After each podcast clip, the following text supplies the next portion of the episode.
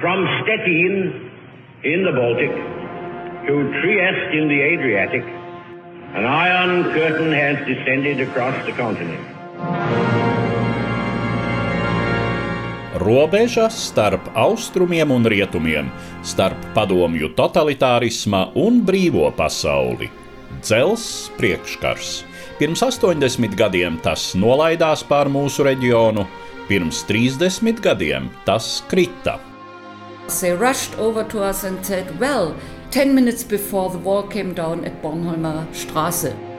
Un tomēr dzelzs priekškars joprojām met savu ēnu mūsu šodienā. Mūsu reģiona valstu vēsture augstā kara laikmetā un pēc padomju totalitārisma sabrukuma raidījumu ciklā Dzelzs priekškara ēnā.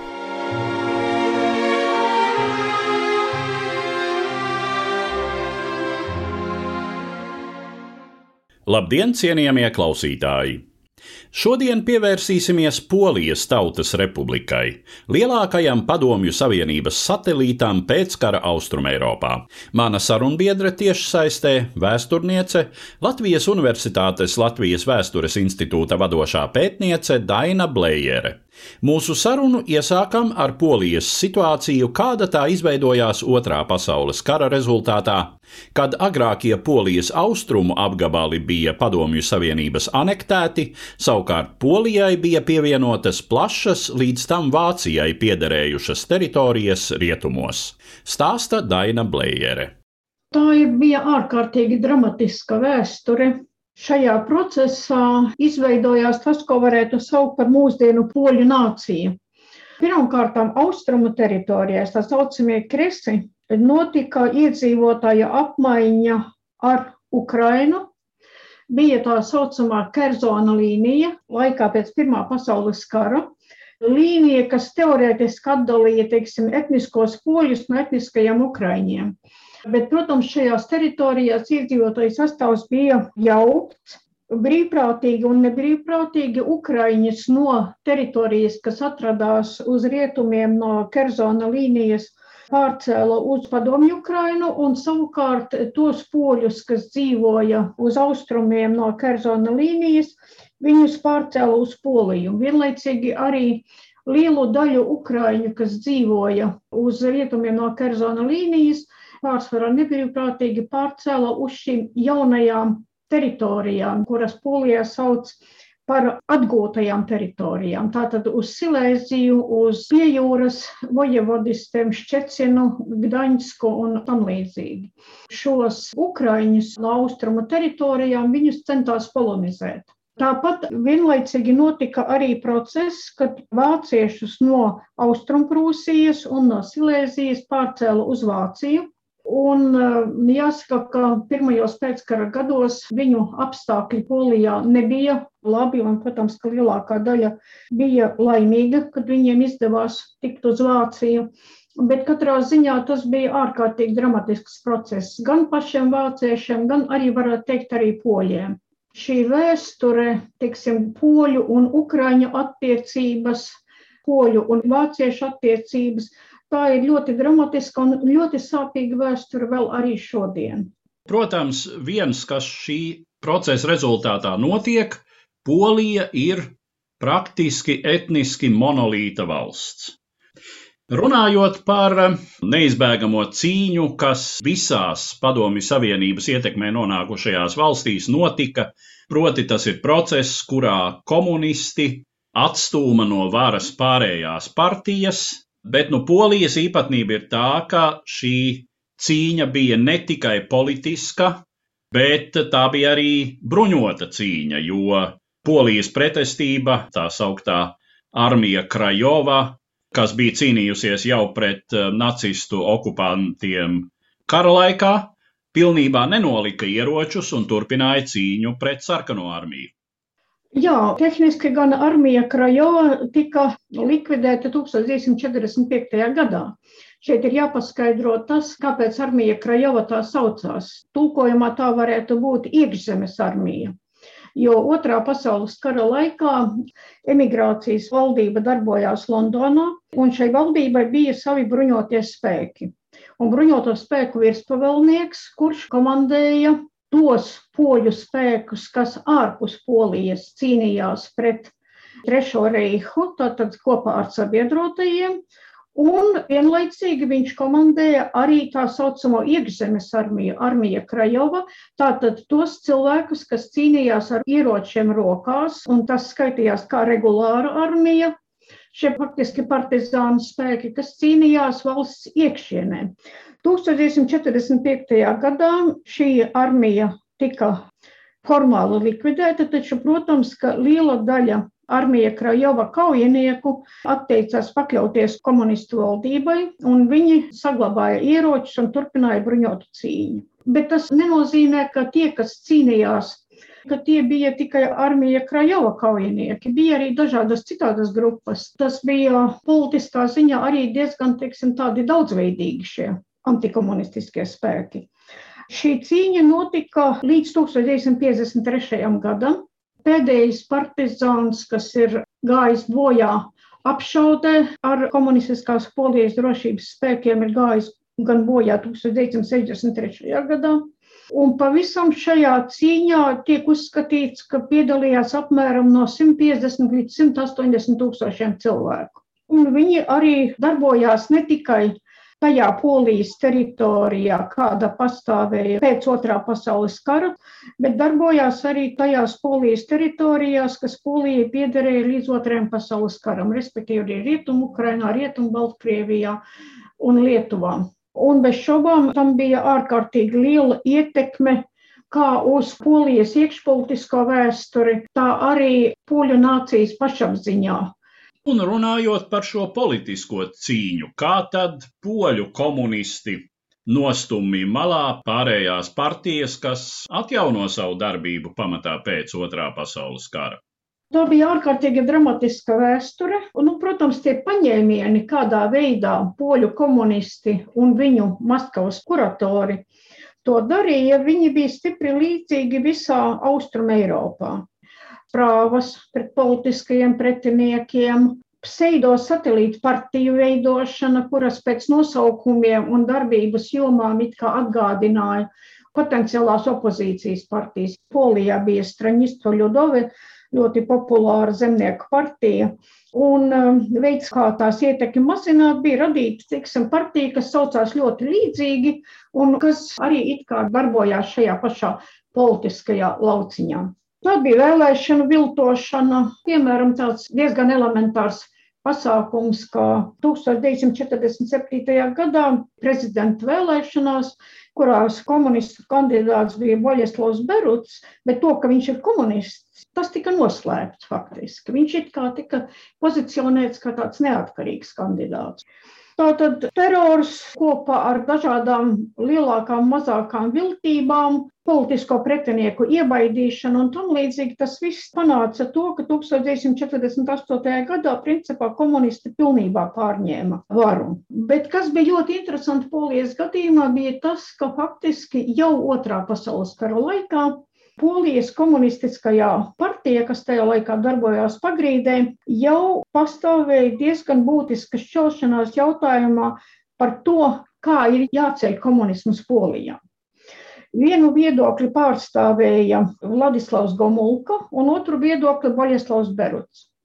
Viņi abi 30. gados kādu laiku bija bijuši Maskavā, Taču pieredze Padomju Savienībā uz viņiem bija atstājusi gluži pretēju iespaidu. Boļislavs Berots bija kļuvis par zvērinātu staļinistu, Savukārt Vladislavam Gomulkam, teiksim, padomju agrārās politikas kolektivizācijas rezultāti un daudz kas cits nevisai bija paticis, un viņš uzskatīja, ka poļiem sociālisms jābūvēja citādākā veidā.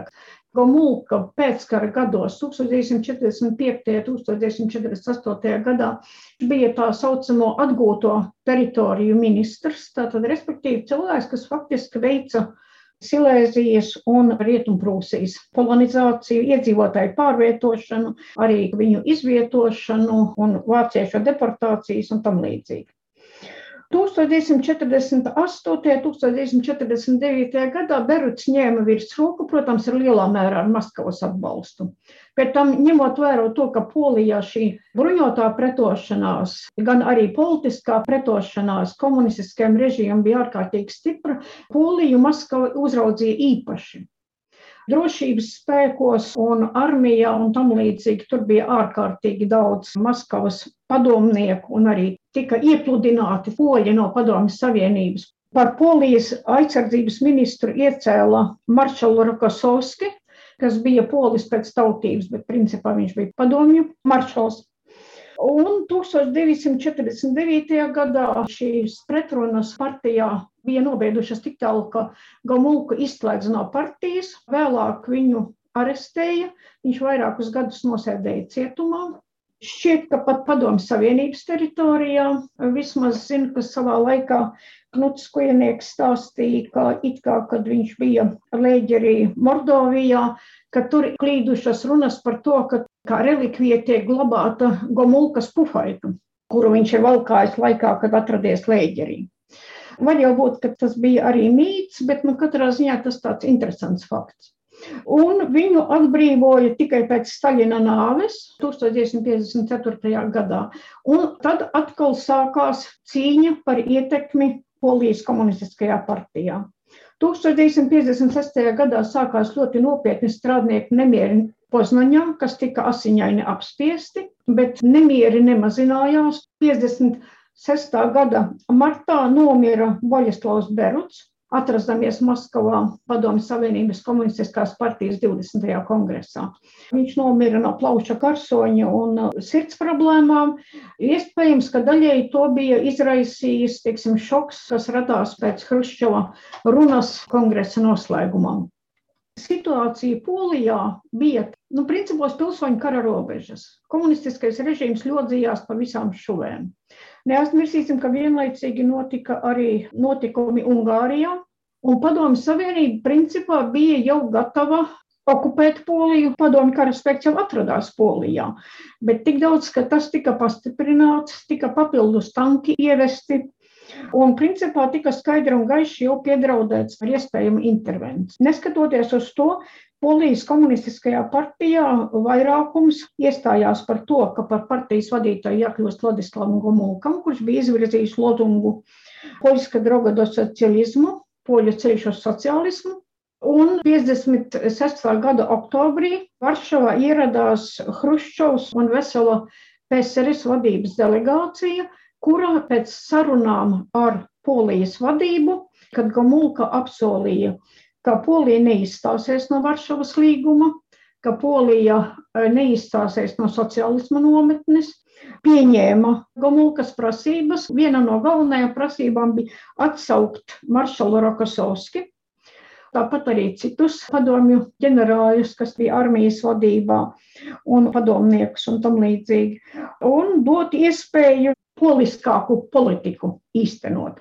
56. gada oktobrī tātad pie varas nāca Vladislavs Gomulka.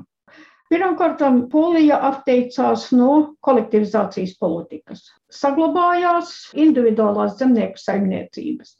Tika uzskatīts, ka sociālistiskais sektors tiek veidots padomju saimniecībās, kuras veidoja uz lielo mužnieku zemju pamatu un tam līdzīgi. Gomulkas laikā arī liberālāks kļuva attiecības ar katoļu baznīcu, kam arī bija ļoti būtiska nozīme Polijā. Un visumā varētu teikt, ka sākuma posmā viņš bija ārkārtīgi populārs. Taču šī popularitāte neturpinājās mūžīgi, jo 60. gados jau ekonomiskais stāvoklis pasliktinājās. Tāda dziļa krīze izveidojās jau 1968. gadā, Tas bija saistīts gan ar studentu nemieriem, kas, kā zināms, notika Francijā un citās rietumu valstīs, un tās notika arī Polijā. Tas bija saistīts ar Prāgas pavasara ietekmi uz Polijas situāciju. Un vienlaicīgi notika arī tādas iekšējas partijas cīņas par varu. Un šajās partijas cīņās arī pats Gomulka zināmā mērā, bet arī viņa pretinieki ļoti stipri sāka balstīties uz antisemītisma kārti. Tur bija tāda cīņa starp partizānu frakciju un maskaviešu frakciju partijas vadībā. Partizāni tātad tie bija, kas bija komunistiskajās partizānu vienībās, tā saucamā armija Ļudova, eh, otrā pasaules kara laikā cīnījušies Polijā, un maskavieši bija tie, kas atradās emigrācijā Maskavā, un kuru vidū bija diezgan daudz ebreju. Otra lieta, kāpēc antisemītisms, tas bija tāpēc, ka studentu jaunatnes disidentu vidū bija diezgan daudz disidentu, kas bija nu, no tādām kreisajām aprindām cēlušies, un daudzi no viņiem bija arī, viņu vecāki bija ebreji. Un tāpēc diezgan spēcīgi notika dažāda veida gan armijas, gan politiskās vadības tīrīšanas no ebrejiem. Notika stipra ebreju emigrācija uz Izraēlu, un vienlaicīgi arī, teiksim, tādā veidā centās diskreditēt disidentus. Tā ir cionistu roka, tā nav mūsu godīgās poļu jaunatnes neapmierinātība, bet cionisti tur kūda. 1970. gadā ekonomiskā stāvokļa pasliktināšanās dēļ sākās kārtējie nemieri, strādnieku protesti atkal. Šoreiz tie notika Gdiņā un Daņskā, Arī tas ir strādnieku rajonos, kuģu būvētavas un tam līdzīgi. Atkal protesti tika asiņaini apspiesti, un galu galā tas noveda pie tā, ka Mulkam nācās atkāpties, un viņa vietā nāca Edvards Gereks, kas bija tāds rietumnieciskāk un tehnokrātiski noskaņots.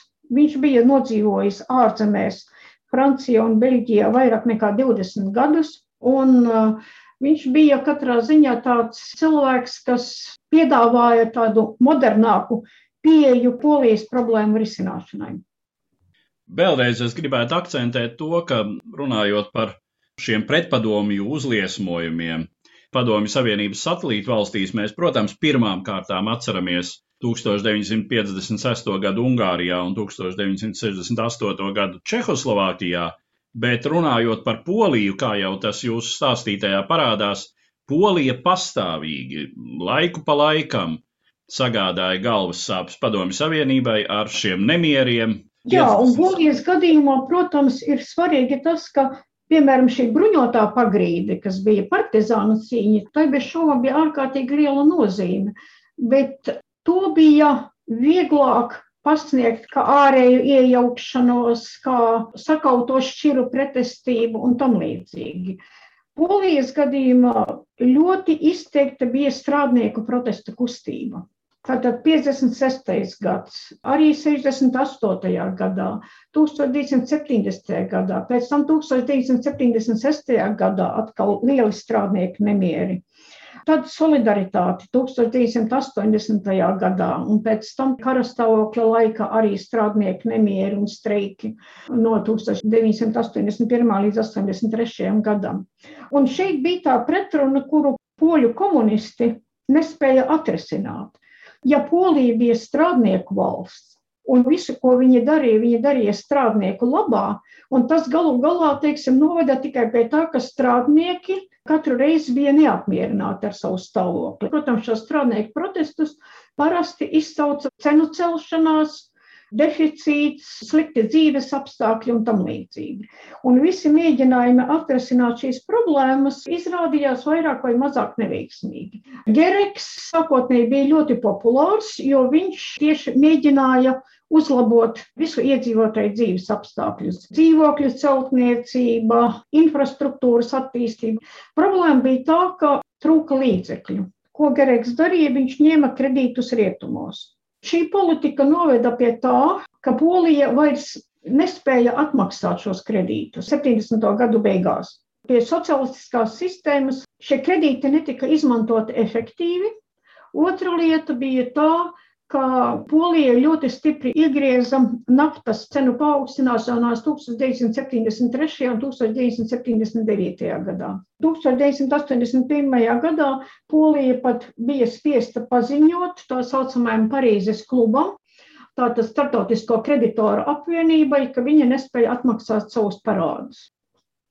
Kad nodibinājās neatkarīgā arotbiedrība solidaritāte, ar kuru Gereks 1980. gadā bija spiests noslēgt līgumu un oficiāli atzīt šo arotbiedrību, 1981. gada septembrī šajā arotbiedrībā bija jau desmit miljoni cilvēku. apmēram viena trešā daļa no visiem polijas strādājošiem. Tā bija milzīga organizācija. Strādnieku šķira izrādījās tas galvenais klupšanas akmens, ar kuru polijas komunistiskā valdība nekādi nespēja tikt galā. Protams, liela daļa nopelni ir arī citiem spēkiem, arī inteligenci, arī katoļu baznīca, bet nu, strādnieku šķira bija gan ideoloģiski, gan morāli, gan arī politiskā ziņā lielākais klupšanas akmens. Te ir droši vien tāda vairāku faktoru sakritība, kur diezgan svarīgs moments ir tas, ka 1978. gadā par uh, Romas pāvestu, par katoļu baznīcas galvu bija kļuvis poļu izcelsmes garīdznieks, Krakovas arhibīskaps Karols Vojtila, pāvesta kārtā Jānis Pāvils II. Un uh, viņa 79. gada vizīte Polijā arī bija droši vien viens no tādiem detonatoriem. Tad 80. gadu sākums, tā ir krīze, kad atkal polijas sabiedrība met izaicinājumu tobrīd jau visai stagnējošajai un ar daudzām problēmām apkrautajai padomju sistēmai. Bet nu, tomēr tika nopietni izskatīts jautājums, vai padomju armija neieies Polijā un neizbeigs šo Polijas pretestības kustību ar brutālu spēku. Par to, kā tas notika un kā tad 1981. gadā pie varas Polijā nāca armijas ģenerālis Vojceks Jeruzelskis, par to varbūt mazliet sīkāk. Jau 1956. gadā būtisks moments, acīm redzot, kas piespieda Hruščovu un viņa līdzbiedrus piekrist poļu prasībām, bija tas, ka Gomulka un poļu komunisti lika skaidri un gaiši saprast, ka ja padomi karaspēks mēģinās pārņemt varu Polijā, ka Polijas armija pretosies. Jāņem vērā, ka arī Polijas vadībā un Polijas komunistiskajā partijā un, teiksim, arī šajos prosocialistiskajos spēkos poļu nacionālisms bija ārkārtīgi spēcīgs un, teiksim, tāda poliskā nacionālā pašapziņa. Un ar to padomu savienībai visu laiku nācās rēķināties. 1980. un 81. gada problēma bija ļoti smaga gan polijas komunistiem, gan arī padomu savienībai. Faktiski jau bija sajūta, ka vara vispār izslīd no polijas kompartijas rokām, ka viņi vairs nespēja kontrolēt situāciju. Vēlāk Vojceks Jeruzelskis, kad viņu tiesāja arī 90. gados, viņš attaisnoja kara stāvokļa ieviešanu ar to, ka pretējā gadījumā būtu notikusi padomju intervence. Vai padomju savienība tiešām gatavojās iebrukt, un vai viņa spēja tajā brīdī to darīt, ņemot vērā karu Afganistānā un tam līdzīgi. Tas ir joprojām tāds ārkārtīgi strīdīgs jautājums, bet jāsaka, ka tādi draudīgi soļi tika spērti. Pirmkārt, Padomju Savienība paziņoja, ka tā paaugstinās naftas un gāzes cenas, Tā jau pārtrauca dīzeļdegvielas piegādi Polijai. Tā pastiprināja militāro kontingentu Polijā, un tas lika vismaz daļai, acīm redzot, Polijas vadības nobīties un mēģināt kaut ko darīt pašiem. Bet tas nenozīmē, ka šis polijas karastāvokļa laiks būtu bijis tāds maigs un mīlīgs, ne tuvu. Tiek uzskatīts, ka pat vairāk par 90 cilvēkiem karastāvokļa laikā šajos divos gados gāja bojā, apspiežot dažādu veidu streika kustības, nemierus un tam līdzīgi. Bija slepkavības, kuras veica drošības dienestu darbinieki, kā Ksenza Popeluško slepkavību. Tūkstošiem cilvēku sākotnēji tika internēti un pēc tam ieslodzīti cietumos. 1986. gadā gan notika vispārēja amnestija un principā visus izlaida no cietumiem. Taču no otras puses solidaritāti neizdevās viņu nolikvidēt pilnībā. Tā vairs nevarēja darboties atklāti, taču tās ietekme bija ārkārtīgi liela. Pastāvēja visdažādākā veida pretošanās formas, piemēram, tādas kā pagrīdes universitātes, prese un tam līdzīgi. Pastāvēja katoliskā opozīcija. Katoļu baznīcai bija arī ļoti lielas, tiksim, tādas legālas iespējas runāt ar sabiedrību Polijā. Polijā pastāvēja katoļu izdevniecības, pastāvēja katoļu laikraksti, piemēram, tādi kā Tigotņika Paušehni. Tas arī bija milzīgs spēks, uz kuru lielā mērā arī solidaritāte balstījās. 79. gadā Jāņa Pāvila otrā vizīte Polijā, tas bija milzīgs notikums. Valents arī vēlāk atzina, ka pāvests iedrošināja poļus cīnīties par savām tiesībām. Ja runā par Polijas un Padomju Savienības attiecībām, tad Polija bija tā kā tāds karsts kartupelis. Ne Padomju Savienība to varēja noturēt rokās, ne arī īsti viņa to gribēja izlaist no rokām. Un visu laiku notika tāda līdz perestroikas sākumam, līdz tam, kad e, Gorbačovs ļāva Austrumēropas satelītiem pašiem izvēlēties savu attīstības ceļu. Līdz tam laikam īsti nezināja, ko iesākt. No vienas puses notika arvien jūtamāk polijas apvienotās strādnieku partijas, kā polija sauca kompartiju, tās tāda iekšēja šķelšanās un, varētu teikt, liberalizācija partijas vadības rindās. No otras puses, eh, sabiedrības ar vienu, teiksim, tādu mazāku rēķināšanās ar valdības prasībām. 1989. gadā Polijas komunistiskā valdība bija spiesta uzsākt sarunas ar arotbiedrību solidaritāti, tā saucamās apaļā galda sarunas, kurās tika panākta vienošanās par to, ka tiks mainīta konstitūcija, nodibināts divpalātu parlaments, ka tiks atjaunota prezidenta institūcija, kas tika likvidēta 1952. gadā, un ka opozīcija tiks atļauts legāli darboties. Pēc šīm sarunām notika pirmās parlamenta vēlēšanas 1989. gadā, vēl ne gluži brīvas. Taču tās bija absolūti graujošas priekš komunistiskā režīma, jo solidaritāte ieguva 99% vietu augšpalātā, senātā un 35% vietu Seimā. Tāpēc, ka atbilstoši apaļā galda sarunām, tai bija atvēlēti 35% vietu. Vairāk viņi vienkārši nevarēja pēc toreizējās konstitūcijas iegūt. Nākošajās vēlēšanās, kuras notika diezgan drīz un jau bija pilnīgi brīvas vēlēšanas, solidaritāte ieguva absolūtu vairākumu arī apakšpalātā. Tādējādi faktiski 89. gads tas ir komunistiskā režīma beigas. Bija līdz 91. gadam sava veida tāds pārējais posms, bet pēc tā jau mēs varam runāt par pilnīgi jaunu un citādāku Poliju.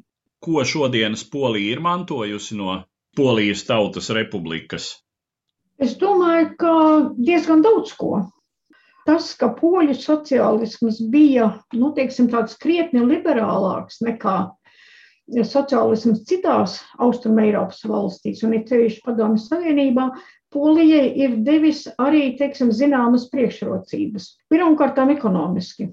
Tās reformas, kas tika veiktas Edvarda Gereka laikā 70. gados, tika atļauti dažādi mazie biznesi, tika veicināta sadarbība ar rietumu firmām, un pēc neatkarības atgūšanas tiešā robeža ar Vāciju, un ka bija jau iestrādes. Bija zemnieki, kam bija iekrāti kaut kādi līdzekļi, kas varēja investēt tos ražošanā. Viņiem bija visu laiku pastāvējusi zemnieku kooperācija. Viņiem bija liels iekšējs tirgus, kas piesaistīja, protams, investīcijas no Rietumvācijas un no citām Rietumvalstīm. Otra lieta ir tā, ka Polijā, protams, ir politiskais, kultūras, intelektuālais liberālisms, kas visu laiku vairāk vai mazāk bija arī kultūrāli un um, intelektuāli polijas sabiedrībai bija daudz vieglāk integrēties Eiropā bez šaubām. Tajā pat laikā, protams, zināmā mērā komunistiskais mantojums ir arī tas, ka pastāv diezgan lielas politiskas pretrunas. Un pretrunas starp tādu sekulāri liberāli, demokrātiskiem, kreisi noskaņotiem spēkiem un nacionāli konservatīvi, katoliski noskaņotiem spēkiem, ka šīs pretrunas ne tikai turpinās, bet viņas paplašinās varbūt pēdējos gados.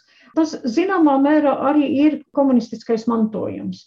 Līdz ar to izskan mūsu raidījums, kas bija veltīts Polijas Tautas Republikas vēsturei. Mana sarunbiedre tiešsaistē bija vēsturniece, Latvijas Universitātes Latvijas Vēstures institūta vadošā pētniece Daina Blējere. Uz redzēšanos, cienījamie klausītāji! Cik platu ēnu joprojām met pirms 30 gadiem kritušais dzelzs priekškars? Mūsu reģiona valstu vēsture padomju totalitārisma periodā un pēc šīs sistēmas sabrukuma - raidījumu ciklā Dzelzs priekškara ēnā. Katra mēneša pēdējā trešdienā pēc pulksten trijiem pēcpusdienā Latvijas Radio 1.